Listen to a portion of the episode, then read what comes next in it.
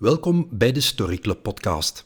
Ik had een heel fijn gesprek met een heel fijne madame, Fien Trog. Ja, ik denk dat er geen andere oplossing is dan effectief te kijken naar wat is deze generatie, van waar komt dat? Oké, het komt van ergens en dat is gewoon te weten van waar het komt. Maar het is vooral, het is nu zo. We zitten met zo'n dat soort mensen, dus je kunt er maar beter... Je kunt daar ook volgens mij superveel uithalen. Dat is wat ik er net ook zei van mijn film. Je kunt daar mee botsen en, en verschrikkelijk mee, mee, mee knoeien en zeggen, wat is, wat is dit? Dat is niet wat ik wou. Als, als groep mensen die nu het moeten overnemen. Of je kunt daar proberen ook een positieve van te doen. Trog is een meermaals genomineerd en gelauwerd filmregisseuse. Ook haar laatste film Home blijft grotendeels trouw aan het centrale thema dat in al haar films terugkomt: de generatiekloof. Of meer specifiek, de vele communicatiestoornissen tussen de generaties. En het feit dat mensen van verschillende generaties vaak echt naast elkaar praten. Het is ook een thema dat bij vele bedrijven en organisaties waarschijnlijk erg relevant is. Ik leg haar ook enkele controversiële uitspraken voor van Simon Sinek, die zich recent eens goed liet gaan wanneer hij over deze millennials-generatie sprak. Fien Trog, bedankt om mij hier uh, te ontvangen bij het huis. Heel graag gedaan, welkom. Ik wil je om te beginnen, Fien, misschien graag drie uitspraken voorleggen uit recente interviews van jou. Oké. Fijn. Wel, hier gaan we. Je zei in een interview: Ik heb een liefde voor deze generatie en heel veel begrip omdat volwassen worden zo moeilijk is. Zeker nu in niet echt rooskleurige tijden. Kan je dat even toelichten? Ja, ik denk om te beginnen is er zoiets als uh, de jeugd van tegenwoordig, zo die eeuwige opmerking. Was vervelend toen ik tiener was, uh, maar dan ja, staat dat niet meer stil, want dan is het toch een beetje wij tegen hen of zo. Uh, maar dan met ouder te worden, um, ben ik nooit geëvolueerd naar uh, ik ben nu zelf mama en uh, nu snap ik pas hoe verschrikkelijk het is om tieners op... Allee, ik heb ook nog geen tieners, maar ik heb altijd wel dat gevoel blijven bewaren van dat is zo'n specifieke periode in je leven. Um, je moet echt een beetje krediet geven aan de mensen die daar uh, middenin zitten of zo. En dat had ik, voel ik heel sterk als ik aan het schrijven was, dat ik dacht van, tiener zijn is tiener zijn, weet. En, en ik, natuurlijk, ik heb zelf nu geen kinderen die tiener zijn, dus misschien praat ik anders als ik er middenin zit. Maar toch had ik heel snel zo dat gevoel van, ja, zo dat... dat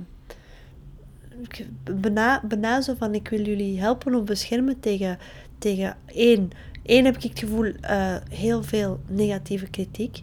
Waar we altijd van denken, uh, dat is een groep, dus dat maakt niet zo uit dat je daar zo... Uh, dat je dat bijna begint te bashen of zo. Terwijl ik denk, ja, maar dat, stop, dat doet toch ook iets met een individu in die groep. Als je constant hoort van die groep mensen typisch, die hangen, die doen niks, die, die zijn verwend. Um, en dat in combinatie effectief met dat ik me dan de vraag begon te stellen, um, het zijn geen rooskleurige tijden, misschien uh, historisch gezien zijn het misschien geen slechtere tijden als toen, want dat zeggen veel mensen, dat is omdat we nu veel meer input krijgen en veel meer informatie hebben. Maar nog, waar het ook aan ligt, die jongeren zien ook wel dat het, of krijgen ook wel heel hard dat gevoel mee, het is, het is, het is om zeep en de wereld gaat naar de verdoemenis en zo, maar dat zijn wel jongeren die er nog moeten aan beginnen. Of ja, jongeren, dat zijn mensen die er nog moeten aan beginnen. En die combinatie, maar ik wil, ik wil die niet betuttelen, ik wil die niet voorstellen of als ocharme, in tegendeel, want dat is ook wel... Uh, ah dat zijn nog geen... geen, geen um, Enfin, het zijn ook geen, geen brave Dutsjes die we moeten zeggen, die we moeten pamperen of zo. Maar ik had wel heel hard zoiets van, zij moeten het wel gaan maken later. Dus als wij deze nu wel knallen, kunnen nu nog zo hard zagen op hun als je wilt. Maar dan moeten we binnen twintig jaar ook niet komen zeggen dat ze, dat ze niet het gevoel hebben dat ze een kans krijgen of dat ze, dat ze het goed zouden kunnen doen. Is, is die historische tijden waar je naar verwijst uh, ook iets wat gerelateerd is aan, aan die tweede uitspraak die ik uh, las, is ook het, het gevoel van wat overkomt ons toch allemaal, zit in mijn films, zei je. Um, goh, ik weet al niet meer wanneer ik dat gezegd heb. nee, ik vooral met dat historisch, omdat er effectief um, veel mensen zeggen die puur, puur cijfer, als je naar de cijfer kijkt, dat het niet per se zoveel slechter is dan weet ik veel hoeveel, hoe lang geleden. Maar bon, daar ga ik geen uitspraken, uitspraken over doen. Um, maar wat ik bijvoorbeeld wel merk bij jongeren, is dat zij... Ja, dat er dat, dat, dat, ze, ofwel heel geëngageerd zijn, ofwel heel... Allee, dat merk ik bij de mensen die ik interviewde en cast op mijn film. Heel veel geëngageerd of bijna gelaten. En als je verder met hem praat, dan denk ik, ja, ik snap dat gelaten wel. Want ofwel draai je een last mee die niet te dragen is, ofwel zeg je, ja, dan moet het er maar mee doen of zo. Dus ja, wat overkomt ons toch allemaal? Ik denk wel, enfin, ik heb wel het gevoel dat zij meer meedragen dan dat ik in de tijd. Maar gewoon ook, ik was in de tijd, ik mocht of ik kon naïver zijn. En dat was dan nog jaren 90, dat viel nog mee. Maar je kon nog veel meer met jezelf bezig zijn. Ja, dat was ook egoïstisch, maar nu is het allemaal zo in de kont en je moet, en je moet opletten voor dit en je moet aan je toekomst en, en, en rondom u en om u. Ja, ik vind, ik vind dat echt wel. Ik vind het al veel om te dragen en ik ben 38, dus ik weet niet wat dat is als je 16, 17 bent. Je moet zo nog je zou eigenlijk van het leven moeten kunnen genieten, wat de meesten hopelijk wel kunnen, maar ergens voel je me nou schuldig als je zegt, ik ga nog even zot doen of zo. Ten slotte dus de derde uitspraak van uh, jou die mij intrigeerde. Mijn films zijn altijd een soort psychoanalyse, een weergave van wat ik stiekem dacht of voelde toen ik zelf jong was. ja, dat is een beetje... Ik ga heel eerlijk zijn, bij mijn eerste langspeelfilm, maar ook bij mijn kortfilms. Toen... Uh, dan vroegen mensen mij wel eens van, ja, alles oké thuis en waarom willen dat vertellen? En dat was bij mij een hele vreemde vraag, omdat ik dacht, maar omdat dat is wat ik wou vertellen. Dus ik stelde dat niet in vraag. Het is dan met, met, met mijn volgende film en ook gewoon eigenlijk door interviews te geven, dat ik dacht, ah ja, inderdaad. Ik was niet beledigd door die vraag, maar ik dacht wel, alleen waarom doet iedereen nu zo moeilijk? Het is toch fictie? Ik, ik verzin toch maar gewoon dingen en, en ik probeer een interessant verhaal te brengen. Pardon. En dan ben ik gaan beseffen, nee, maar dat komt echt wel van ergens. Zeker als je dan beseft na de vierde film, het, het basisthema is effectief altijd hetzelfde. Um, en dan, ik kan er nog altijd niet zeggen waarom, maar wat ik wel bijvoorbeeld weet, zijn een paar zekeren, is ja, ik heb wel een, eh, veel liefde gehad in mijn jeugd. Dus het is al niet dat ik een, een soort van portret van mezelf maak. Gelukkig maar, want als ik mijn film zie, zou dat niet... geen simpel leven gehad. Maar waar ik wel ben gaan beseffen is dat ik juist doordat het vroeger wel oké was... Ik bedoel, vergeleken met vele anderen, denk ik wel dat ik niet moet klagen. Maar juist doordat het oké was, dat ik wel de vrijheid voel om iets anders te vertellen, omdat dat minder persoonlijk is. Dat doet geen pijn als ik dat vertel. Maar ik ben dan toch ook gaan beseffen... pardon dat, um, dat, uh, ik, dat dat tegelijkertijd toch heel veel kleine dingen, die ik dan opblaas tot iets heel groot, dat dat inderdaad heel veel angsten zijn of dingen die in mijn achterhoofd zijn, zitten. Of dingen die maken dat, doordat ik er een film over maak, dat ze niet groter worden dan dat ze zijn. En tegelijk vind ik dat ook eng, omdat ik niet wil dat een publiek gevoel heeft dat ik... Uh, dat, ze in een, dat, ik, dat ik hun folter uh, door... Allee, dat ik gezond word geestelijk door hun te folteren of zo. dat, is het niet.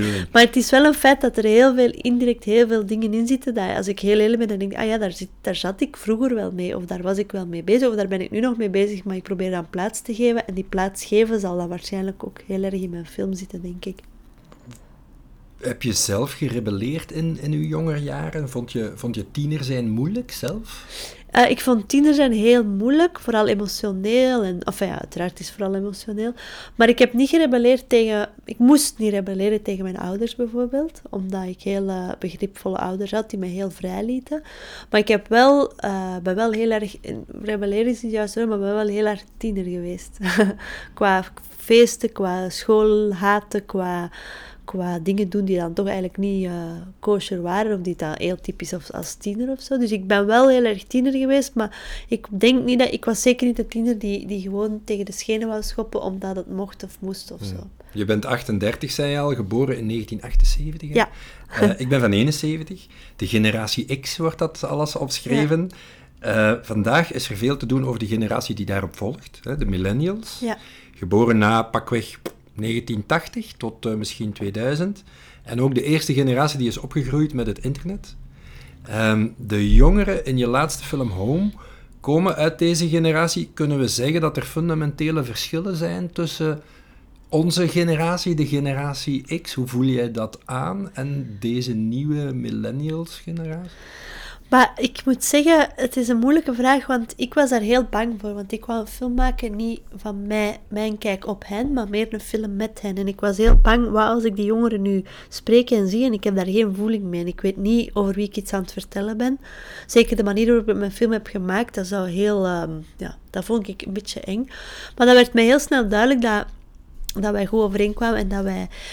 Um, dat wij, ja, dat er niet zoiets was van ik ben de, de oudere en de Mhm. baas en jullie zijn de jongeren die moeten luisteren, maar dat er een goede wisselwerking was. Nu, ik had, ik had twee dingen. Ik had enerzijds zoiets van, ja, die zijn anders, zeker. En anderzijds dacht ik van, ja, we zijn eigenlijk ook tegelijk net hetzelfde. En bij net hetzelfde, dat is het makkelijkste om uit te leggen voor mij, omdat ik heel snel door had, en dat is ook de reden waarom ik goed mee om kon opschieten, is dat zo die fundamenten van tiener zijn, dat verandert in mijn ogen, Niet. verandert dat niet. En tiener zijn, dat wil zeggen wat we, wat we er net over hadden, hè, dat, is, dat is in de knoop zitten met jezelf, met je omgeving, eh, eh, liefde willen en dan tegelijk dat niet willen, je ouders nodig hebben, maar niet tegelijk niet bij u willen, want je wilt uitgaan.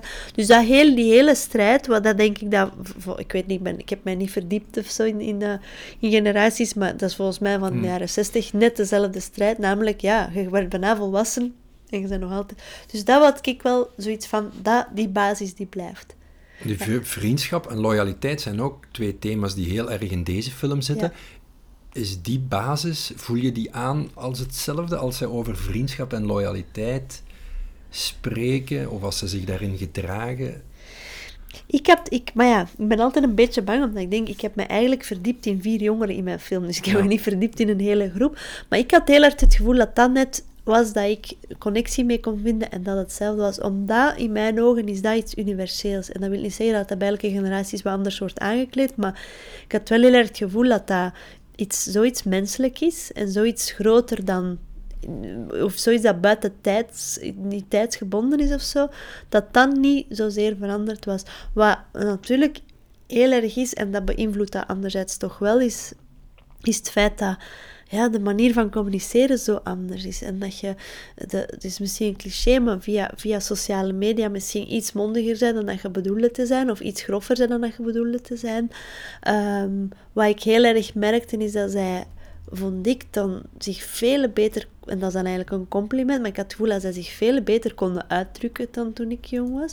Dat zij een soort van, ik weet niet, is dat dan met sociale media, maar dat zij hadden geleerd om, om, om, ja, om over, zelfs over hun emoties, over wat zij wouden, dat dat veel makkelijker was om daarover te praten. Nu, ik, ik heb zelf drie zonen, hè, van, eentje van 9, een van 13 en 15. En ik zag vorige week een reportage op Canvas van Danira Boekris, de journaliste, ehm, die in de humaniora een les, een klas, een dag lang eh, les gaf over liefde en relaties. En ik moet zeggen dat ik echt oprecht verrast was van de hele duidelijke en ferme standpunten dat die 16-jarigen innamen. Hè, zoals je zegt, ze kunnen zich beter uitdrukken. Nu, ik vraag mij af, zijn de jongeren van vandaag ook niet heel goed in het ferm uitdrukken van standpunten, maar zit daar niet meer dan ooit enorme kwetsbaarheid en ik weet het ook allemaal niet onder? Ja, wel, maar dan, dan heb ik heel hard het gevoel dat dat juist is wat niet veranderd is en wat niet zal veranderen. Dat het, dat het jasje dat ze aan hebben, hoe zeg je dat, de omkadering is, is heel anders. En er, er, er schijnt, weet je, ik kan dat misschien heel oppervlakkig vergelijken met als ik aan het filmen was. Het feit dat die gefilmd werden en dat die dingen moesten doen, was zo minder een issue dan vroeger. Ik weet nog altijd de eerste keer dat ik mezelf voor de eerste keer op video zag en dacht, huh, zie ik er zo uit en doe ik zo. Terwijl deze generatie is dat super gewend om van zichzelf foto's te zien, om, foto's, om gefotografeerd te worden, om te filmen. En dat creëert, in mijn ogen, creëert dat iets heel ja, zelfzeker is misschien niet het juiste woord, maar alsof dat heel gewoon was. Terwijl ik vroeger, oh my god, een foto, dat was al zo... Ja, terwijl eronder zit dezelfde En, voilà, en de onzekerheid gaat daarvan totaal niet weg. Want in tegendeel, dat bewijst het ook het hele selfie-gedrag, waar dat je dan filters en bepaalde poses, waar dat je, je gezicht er dan altijd, of je lichaam er dan wat magerder uitziet, of je gezicht er dan wat beter uitziet. Dus ik kan maar zeggen, ja, maar ik, eh, er, er, is zo, er is zo schijnbaar iets van, we hebben een standpunt, we zijn zelf zeker, weten wat we over hebben. Maar ik denk, die, die, die basis van ik weet totaal niet wat ik wil, want ik ben 16, 17 en ik, heb, ik denk dat dat bijna inherent is aan die leeftijd. Je kunt dat echt nog niet weten, je kunt doen alsof. Ja. Nu, Maar- eh, is je beeld veranderd? Eh, want je bent zelf moeder van twee kinderen. En die film laat toch ook zien hoe moeilijk het is om een kind op te voeden. Ehm, met je aanleg van psychoanalyse en met je ervaring van de film, heb je dan meer angst voor je eigen kinderen en de generatie nu je zoveel met dit thema bent bezig geweest, of is er niet veel veranderd? Er is veel veranderd en niet veel veranderd. Zo, er is zo enerzijds dat gevoel van, oké, dus als de basis nog steeds is, tiener zijn is hel. ik heb het moeilijk, ik weet niet wat ik wil, ik zit niet goed in mijn vel. Uh, emoties die van de ene uiteinde naar het andere vliegen. Dan ben ik daar klaar voor in de zin, dat zal moeilijk zijn veronderstel ik. Ik ga daar dood van draaien, maar dat, dat ken ik nog. Um, ik ben wel maar ik weet niet of dat direct uit mijn film komt, maar toch, daardoor ben ik er veel meer mee bezig. Wat ik bijvoorbeeld heel hard heb gedaan, een soort van research, is heel veel op YouTube zitten kijken. Omdat je bent aan het schrijven en je moet de hele tijd zo 16 zijn in je hoofd. En dat ging soms, maar dat ging ook soms in geen 100 jaar. En dan keek ik heel veel YouTube-filmpjes, genre wat zij op, op internet vinden ze honderdduizend van tieners die zichzelf gefilmd in de klas als ze aan het dansen zijn, op feestjes, thuis, uh, in de woonkamer. Uh, waardoor ik ook soms kom dan op, op, op stukken dat je denkt, oké, okay, dat was niet zo interessant of dat had ik liever niet gezien. Maar wat ik dan wel in één keer ben gaan beseffen, uh, waar ik nooit bij stilstond ervoor, is effectief de kwetsbaarheid van die doelgroep ook. Als je dan effectief op. En dat merk ik nu al bij mijn kinderen, met mijn oudste zoontje van acht, die mag af en toe iets opzoeken op computer. Er is nog nooit niks fout gelopen, maar ik besef plots wel van... Dat, komt, dat is wel een, een wereld die erbij komt. Ik ben daar helemaal fan van. Maar dat is ook, allee, dat, daar schuilt ook zoveel, ja, gevaar is een groot woord, maar toch. Ik stond daar, dat stond ik ervoor niet bij stil. En dat begin ik dan wel, dat begin ik mij nu wel meer af te vragen. Anderzijds heb ik meer bang, uh, dat klinkt nu stom, maar bang is dat niet, maar ben ik meer bezig met, als ze zoals ik zijn, als ik 16 was, dan, ja, dan gaan ze wel of dan gaat een van de twee of alle twee, dan gaan ze veel willen weggaan en feesten en alles doen wat dat dan bij feesten hoort. Als ze zoals de papa zijn ook, maar dan, die is er dan later aan begonnen. Dus daar ben ik denk ik nu meer van bewust van de gevaren van uitgaan en eigenlijk heel hard in kwesties van ehm, ook vertrouwen met ouders, maar ook heel hard uw omgeving en op de juiste ja, om chance te hebben in de juiste groep te zitten. Want in, in, een goede groep kun je ook veel foute dingen doen, maar als dat zo wat omkaderd wordt door mensen die af en toe zeggen, allee, kom, dat gaan we nu niet doen, maar als jij met vijf, zes tieners zitten die allemaal zeggen van, kom, we gaan tot de, tot, uh, tot de grens of tot een bepaald punt of zo. En dat besef ik, heb ik altijd beseft, want ik heb daar ook chance mee gehad in die zin, ik had inderdaad een goede thuis, ik mocht thuis alles vertellen als ik wou. Uh, mijn broer liep daar af en toe ook rond, dus je waart altijd wel in een soort van veilige zone, ook al deden verkeerde dingen. Um, en dat begin ik nu wel, ook veel mede door die tieners dan terug, zo, terug daarin te zitten, dat ik denk, ah ja, dus het is ook een beetje chance hebben als je tieners ja. Dat is niet zo leuk natuurlijk, maar... Ik wil ook graag de koppeling maken met bedrijfsleven. Um, ik zelf help leiders om beter te communiceren uh, met hun mensen door storytelling. In de Verenigde Staten is de millennial groep de grootste generatie ooit. 15 tot 35-jarigen zijn groter dan de babyboomers. En ik volg zelf al enkele jaren Simon Sinek. Ik sprak je daar straks uh, in onze kennismaking over. Het is een Amerikaanse auteur en consultant, onder andere over leiderschap. En in een recent interview, wat jij dan ook denk ik gezien heeft met Tom Bellieu van Inside Quest, ik zal de link in de show notes zetten, doet Simon Sinek enkele ophefmakende uitspraken over millennials en bedrijfsleven. En het interview ging viraal en werd ondertussen meer dan 5 miljoen keer bekeken op YouTube. En de context is de volgende. Millennials in het bedrijfsleven krijgen vaak het verwijt dat ze moeilijk te managen zijn. Dat is de context. Kunt u daar iets bij voorstellen?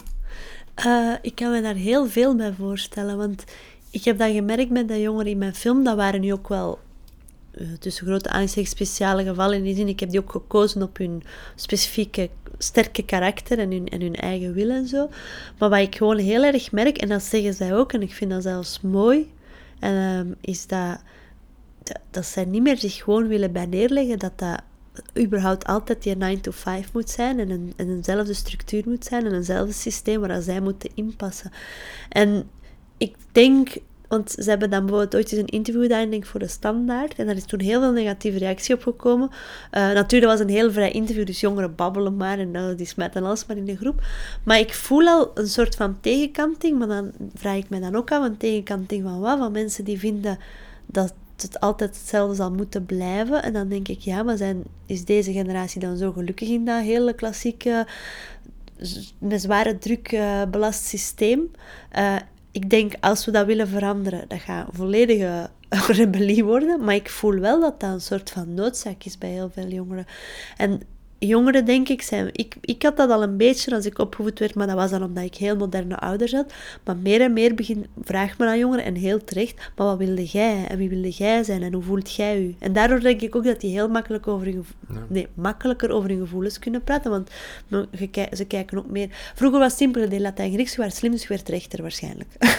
of je ging, je deed wiskunde en je deed... Nu kun je wel zeggen, ik doe Latijn-Griekse, maar ik wil eigenlijk iets heel klein gaan doen of iets heel artistiek. Dat zullen nog veel ouders moeilijk vinden, maar dat kan, daar kan over gesproken worden. Dus ik heb wel het gevoel dat je bij een generatie zit die heel hard wordt van verwacht, be yourself. En, zelfbewustzijn. En zelfbewustzijn en, en gaat ervoor. Maar ja, dan komt je inderdaad, dan vinden die een job. En wat vragen ze op die job? Moet die volledig in dit systeem passen. En je mag niet rebelleren of zo. Dus ze worden ook verweten narcistisch te zijn, lui, alleen geïnteresseerd in zichzelf, niet gefocust en met een houding van we hebben recht op alles. Ja, dat zal inderdaad een... Maar ja, dat is, een, dat is volgens mij het, het resultaat van dat wat ik net zei, van uh, wat wilt jij en, en, en, en, en veel meer over het individu dan over de groep. Anderzijds merk ik wel doordat ja, heel veel ouders hebben wel heel er is alles voorhanden nu. Hè. Ik weet nog, als ik... Uh, uh, als wij op vakantie gingen, dat was, wij gingen altijd naar het zuiden van Frankrijk. En dat was niet zo evident dat wij zaten met 36... Allee, dat was een lagere school. Dat was niet zo evident dat al die kinderen in de vakantie echt op vakantie gingen. Uh, nu is dat bijna raar als je zou zeggen, wij gaan dit jaar uh, twee weken naar Dardenne. En mensen van Dardenne, dan zijn ze eigenlijk of arm of, of, of ja, niet zo leuk. Enfin, ik moet nu wel zeggen, ik, spreek, ik ben opgegroeid in een dorp, ik woon nu al twintig jaar in een stad, daar is dat ook weer helemaal anders, omdat daar veel meer die verschillen met kansarmen en niet. Maar bon, als het dan even hmm. veralgemenen, um, zodat dat alles krijgen wat u, wat uw hartje wenst, dat is toch iets dat ik het gevoel heb dat nu meer is. Het ligt aan het feit dat mensen dan Ehm, meer middelen hebben om dat te doen. Of, of ik hmm. weet het niet. Ik heb zo het gevoel dat verwend worden... Vroeger was dat nog omdat je ouders had die je wou verwennen en die het dan misschien niet zo goed deed omdat ze het hard verwenden. En nu is dat meer zo'n standaard geworden. Ja, en, en, het, is, het is daar net dat, dat Simon Sinek, die eigenlijk de millenniums heel erg verdedigt, ook dieper op ingaat. Hij zegt er zijn vier factoren die aan de basis liggen, volgens hem, van de problemen met millennials in het bedrijfsleven. Je had het daar straks even al om omgeving, context, de omgeving, praat hij ook over, maar hij heeft het ook over, en dat vond ik straf, het falen van opvoeding en de nefaste invloed van technologie. En over het falen van opvoeding zei het volgende. Failed parenting strategies. Millennials werden jarenlang verteld dat ze speciaal zijn, dat ze alles konden hebben in hun leven. Ouders hebben ten alle tijden opgenomen voor deze kinderen tijdens hun jeugd, ook op school. Hè. We gaan ze even verdedigen, dat slecht rapport, dat kan niet, we gaan naar die leraar. Maar wanneer deze kinderen, zegt hij, in de bedrijfsomgeving komen, dan worden ze geconfronteerd dat ze niet zo speciaal zijn, dat ze maar gewoon moeten doen, uh, dat ze in dat kadertje waar je zijn moeten passen, en dat hun ouders hun niet langer kunnen voortrekken, en dat ze niet zomaar alles kunnen krijgen, gewoon omdat ze het willen. Ja. Is dat iets wat je herkent? Want ik, zie je ja Ja, ik herken, dat, ik herken dat echt wel heel hard. En wat ik ook heel opvallend vind, is dat dat typisch die leeftijd is. Ik heb het gevoel dat veel ouders um, hun kind dan uh, heel hard verdedigen. En mijn kind, mooi kind. En, en effectief, ik heb zelf lesgegeven op hogeschool in Sint-Lucas. Als, uh, als uh, gebuist, dat was met advocaten. En dat was, dat was niet zomaar... Allez, vroeger was het simpel. Uw leraar was boven u. Ik zeg niet dat dat beter was, hè, maar uw leraar stond boven u. En je moest luisteren. Je moest naar de niet luisteren. Nu gaan ouders dan... Maar dat is ook bijna het is niet dat die ouders daarom beter relatie hebben met hun kinderen of beter communiceren met hun kinderen, maar ik denk dat dat hun compensatie is voor het feit dat ze dat in de hand zouden kunnen hebben of zo. Dat merk ik heel erg. hij, ouders... hij, hij smeert dat ouders wel aan, want hij zegt het resultaat is dat het zelfbeeld vaak heel meteen aan delen ligt als ze gaan werken. En hij beschuldigt de ouders ervan, omdat ze zeggen ze zijn eigenlijk gewoon verkeerd opgevoed. In het Engels zegt hij, they have been dealing a bad hand. ze hebben gewoon slechte kaarten gekregen. En het is aan de leiders van vandaag ja, om daar dan maar iets mee te doen, is wel heel hard naar ouders. Ik vind dat wel heel hard, maar ik denk, ik vrees dat het een stuk heel erg waar is. En ik denk ook vooral dat het effectief is. Je kunt niet blijven zeggen, ja, zij moet, of ja, zij moet zich maar aanpassen in die zin, de wereld verandert en iedereen weet dat en alles evolueert. Dus ik vind het ook heel vermoeiend om dan nu te blijven zeggen, ja, maar het moet er wel in passen. Van, je ziet mijn hele generatie als je niet wilt dat dat een verloren generatie wordt, of dat dat, dat, dat allemaal effectief gefrustreerde mensen worden, dan, dan moet je daar iets mee doen. Maar ik, ik, ik herken absoluut, ik denk dat dat heel, veel, heel vaak komt uit een soort van onvermogen om, om, om, uw, om uw kind te begrijpen, bijvoorbeeld. En ehm, een andere compensatie is wat veel ouderen doen, is dan eindeloos veel dingen kopen voor hun kinderen. En veel, kinderen, veel jongeren klagen, zelfs, dat werkte ook bij de interviews bij mijn casting, van materieel gezien is er alles, maar emotioneel blijf ik in de kou. En ik denk niet, dat waren niet allemaal ouders die het slecht voor hadden met hun kind, maar die gewoon niet wisten, of geen tijd hadden, of niet wisten hoe. Dus en ter compensatie effectief zo dat zeggen van, maar jij bent wel de beste. En ik denk dat het even erg is als je ouders vinden dat je het niet zoveel voorstelt. Maar dat het even erg is als je altijd het gevoel dat je ouders je voor iemand zien die je eigenlijk niet bent. Of effectief dat je het nu niet beseft en denkt, ik ben inderdaad de beste totdat je, je 22 bent, je bent afgestudeerd en er is niemand.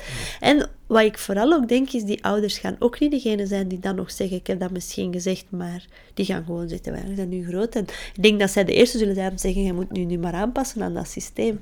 Wel, die vier factoren, eentje dus opvoeding, uh, de andere omgeving, daar had je het al over. Uh, de derde is technologie. Je hebt heel wat YouTube-filmpjes uh, zelf ook gezien. Nu, ik wil je even meenemen naar dit. We weten uit onderzoek dat de omgang met social media en onze smartphones eigenlijk een chemische stof vrijmaakt. Die noemt dopamine, ook wel eens het gelukshormoon genoemd. Als je geliked wordt, dan voel je je goed. Maar dopamine is dezelfde chemische stof die vrijkomt wanneer we roken, drinken en gokken. Met andere woorden, hoogst verslavend. We hebben leeftijdsbeperkingen voor roken en drinken, maar niet voor het gebruik van social media. En Simon Sinek vindt dat crimineel. Reactie? Ja, zover heb ik daar nog niet over nagedacht. Ehm, maar het is wel een feit dat er, dat er, dat er, daar, absoluut, dat er daar heel weinig limiet op staat. Dat dat niet wordt gezien als, zelfs niet echt meer gezien wordt als asociaal. Als jongeren of en eerlijk gezegd, ik ook. Ik kan daar ook belachelijk veel mee bezig zijn. En ik denk van, stop nu even en heb aandacht voor wat er echt om je gebeurt. En wat ik vooral weet, is dat op mijn set, allee, of, en ervoor vooral, dat de jongeren, als het erop aankomt, denk ik toch dat die liever live met iemand aan het praten waren, of een echte knuffel kregen, of een echte kus, in plaats van uh, 20.000 smileys of zo. Dus ik wil maar zeggen... Um, ik, weet, ik ben echt niet, ik ben ik niet in, in, in, ik weet niet in hoeverre ik zou zeggen van ja, dan moet daar inderdaad ook een, een, limiet op staan of zo. Maar er is wel een enorme van veel, ik denk van veel uh, volwassenen heel veel tolerantie naar, omdat het ook heel makkelijk is. Omdat het gewoon echt rust geeft in huis. Ook al is het je kind dan waarschijnlijk op die moment een beetje aan het verknallen of zo. Maar het geeft wel heel snel dat gevoel van, we hebben ja, de, zo de, de klassieker, de iPad op restaurant. Het, vroeger was dat het videospel, nu is dat de iPad, de telefoon ja, dat is een makkelijke babysitter. Heb je gemerkt in de omgang met, met hen dat, dat zij het moeilijker hebben misschien om zelf diepe vriendschappen of hechte relaties aan te gaan, face-to-face? Of zeg je, ja, ik, weet, ik heb er eigenlijk niks van gemerkt, want dat is ook een verwijt van ze zitten eigenlijk sociaal, ze zitten voor een scherm en echt verbinding creëren.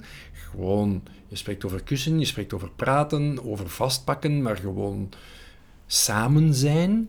Is dat iets dat ook sneller, vluchtiger, anders is? Of zeg je, ik heb daar weinig verschil gemerkt tussen mij en... Daar heb ik niet veel van gemerkt. Eigenlijk een beetje in tegendeel. Ik had het gevoel dat het heel... Ehm, hartelijk was of zo. En dat er heel veel appreciatie was voor elkaar, maar voor mij, van mij naar hun toe.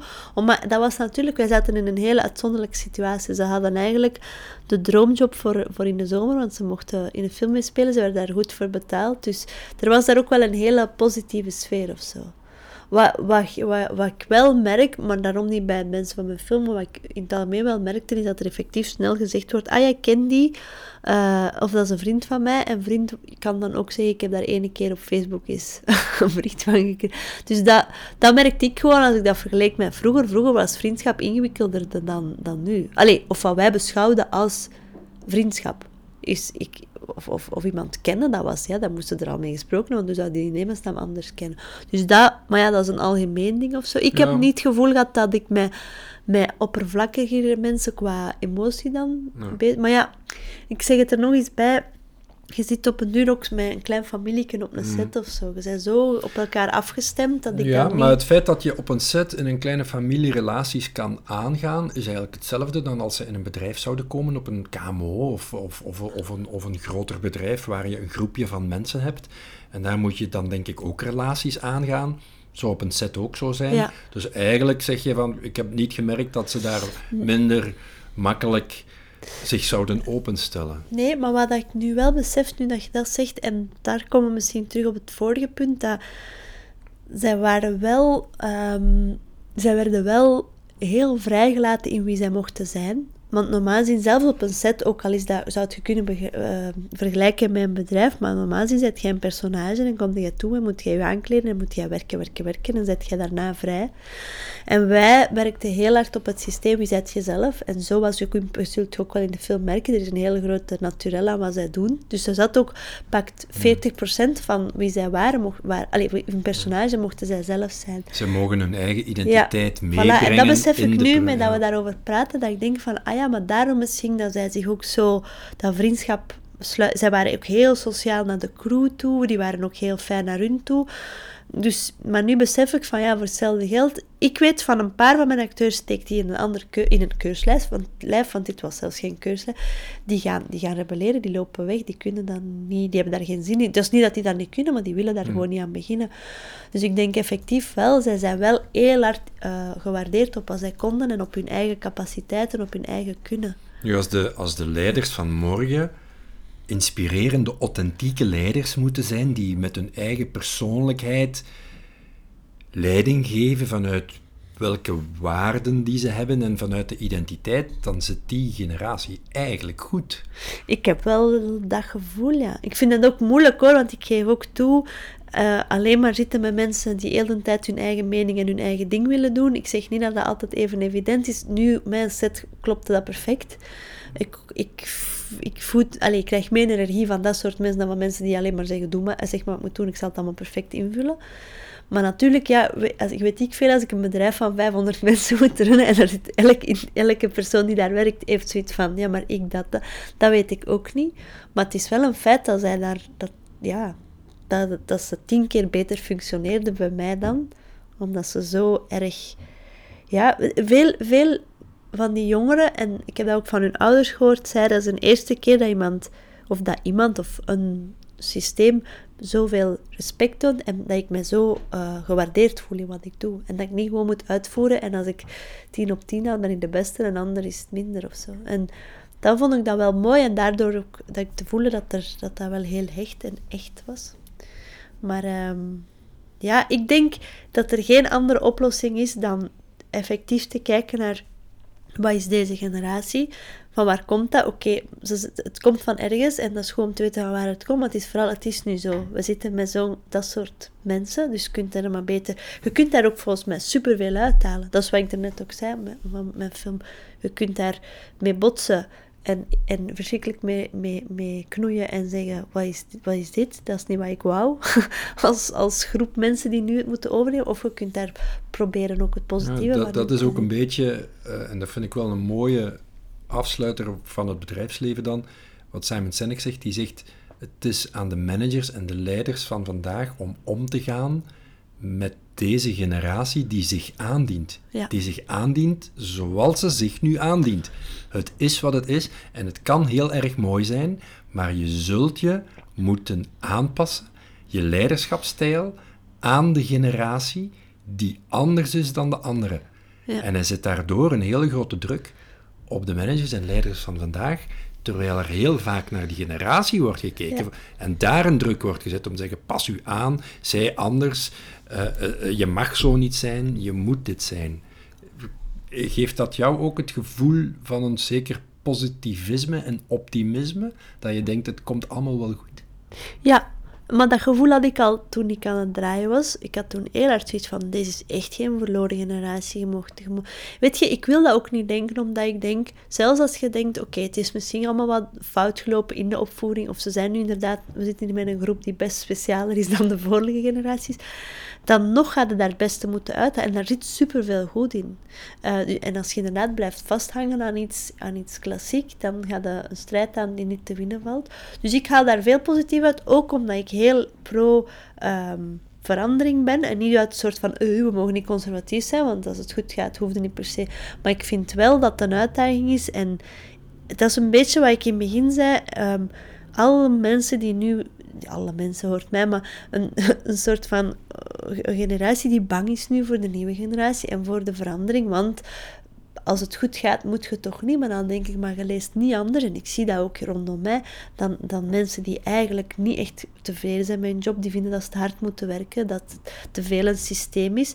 En met alle respect, want dat is ook zo. Maar dan denk ik, maar als we dat vinden, waarom zijn we dan ook niet stiekem blij dat er een generatie komt die misschien... Ik zeg niet dat die een oplossing bieden, hè, maar die stilletjes aan, het zal, het zal een chaos zijn waarschijnlijk, maar die stilletjes aan maken, dat we misschien mogen uitspreken, uitspreken, is werken of leven dan enkel leven voor die twee maanden, of die twee, ik weet het niet, die maand vakantie die je op een jaar kunt hebben. Is dat dan... Voel, is voel je je ergens, als ik je zo bezig hoor met passie vertellen over de generatie, niet een stukje ook een spreekbuis, uh, een, uh, de, de moeder van deze generatie.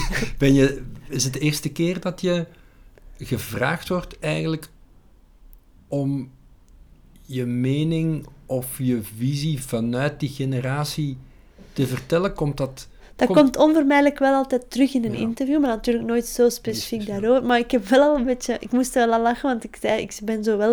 Ik zei nog tegen mijn uh, cast, ik zie die af en toe wel opnieuw, en dan zei ik van, ja, ze gaan denk ik zo wel een, een standbeeld oprichten voor mij, zo de, de moeder van de tiener, of zo. Al grappend, uiteraard.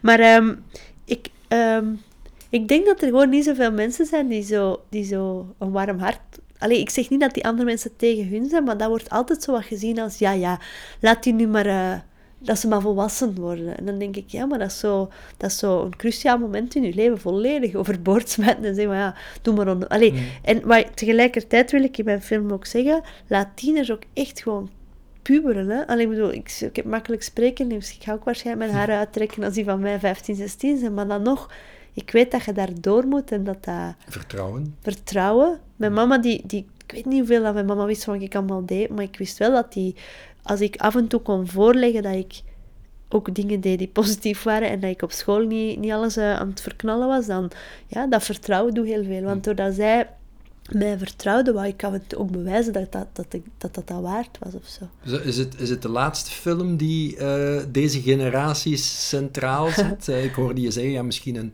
een humoristische film ja. maken? Ja, het is een beetje... Het klinkt zo wel, omdat mijn vorige drie films waren met, met kinderen. Dan ik bij de jongeren. Het is bijna onvermijdelijk dat ik daar nu na 18 ga of zo. Maar ik ben nu zo aan het schrijven en onvermijdelijk zitten daar jongeren en kinderen in. Omdat is zo... Ik vind de volwassenen... Ik heb dat altijd gevonden met mijn films. Volwassenen heeft zomaar echt een verhaal te vertellen als dat in, een, in, in, in mijn hoofd, hè, als dat zo gekaderd is in... in de ja, jongeren rondom hem of kinderen rondom hem. En daarmee bedoel ik in mijn verhalen, alles wat de volwassenen deden, werd altijd wat gespiegeld aan, daar staat een kind naast en wat dan? En dat... Heeft ja, dat met de, de echtheid en de puurheid van, van thema's en, en Ik denk het wel, dat het altijd zoiets was van, je hebt zo... Om, om zo goed de waarden en normen beseft te hebben, vond ik het altijd heel makkelijk om daar ik had altijd een zo spiegel. een spiegel bij te zetten. En ik had altijd zo het idee van volwassenen die, die ruzie maken, is, is uiteraard niet fijn. Dan hangt er gewoon af waarover ze ruzie maken of waarom. Maar als daar een kind bij staat of een tiener, dan staat er daar effectief plots een spiegel bij. En beseft in één keer, als moeder heb je dat ook als je, als je kibbelt, ik zal het kibbelen noemen, als je, als je uh, kibbelt met je man of met iemand anders, je bent plots heel bewust van wat gaan doen. Allee, gelukkig maar. Allee, ik toch. omdat daar iemand, omdat daar iets een, iemand bij staat die daar eigenlijk op vol niks mee te maken heeft. En vooral die, die heel die conventies nog niet heeft moeten, zich nog niet heeft moeten aanpassen aan wat zegde, wat zegde niet. Uh, de kinderen zijn nog vrij om te zeggen stomme mama en, en stomme jongen en stomme broer. En, en dat vind ik heel, een heel interessant domein. En daarom denk ik, ik ga nooit, ik denk niet dat de kinderen snel, of de jongeren, snel zullen verdwijnen uit mijn verhalen. Bedankt voor het gesprek vandaag. Heel graag gedaan. Dit verhaal werd opgetekend door story-expert Raf Stevens. Heeft het je geïnspireerd? Kijk voor meer verhalen op Raf's website. Ga naar rafstevens.be. Daar vind je ook Raf zijn meest recente boek. Sterke verhalen? Sterke leiders. rafstevens.be.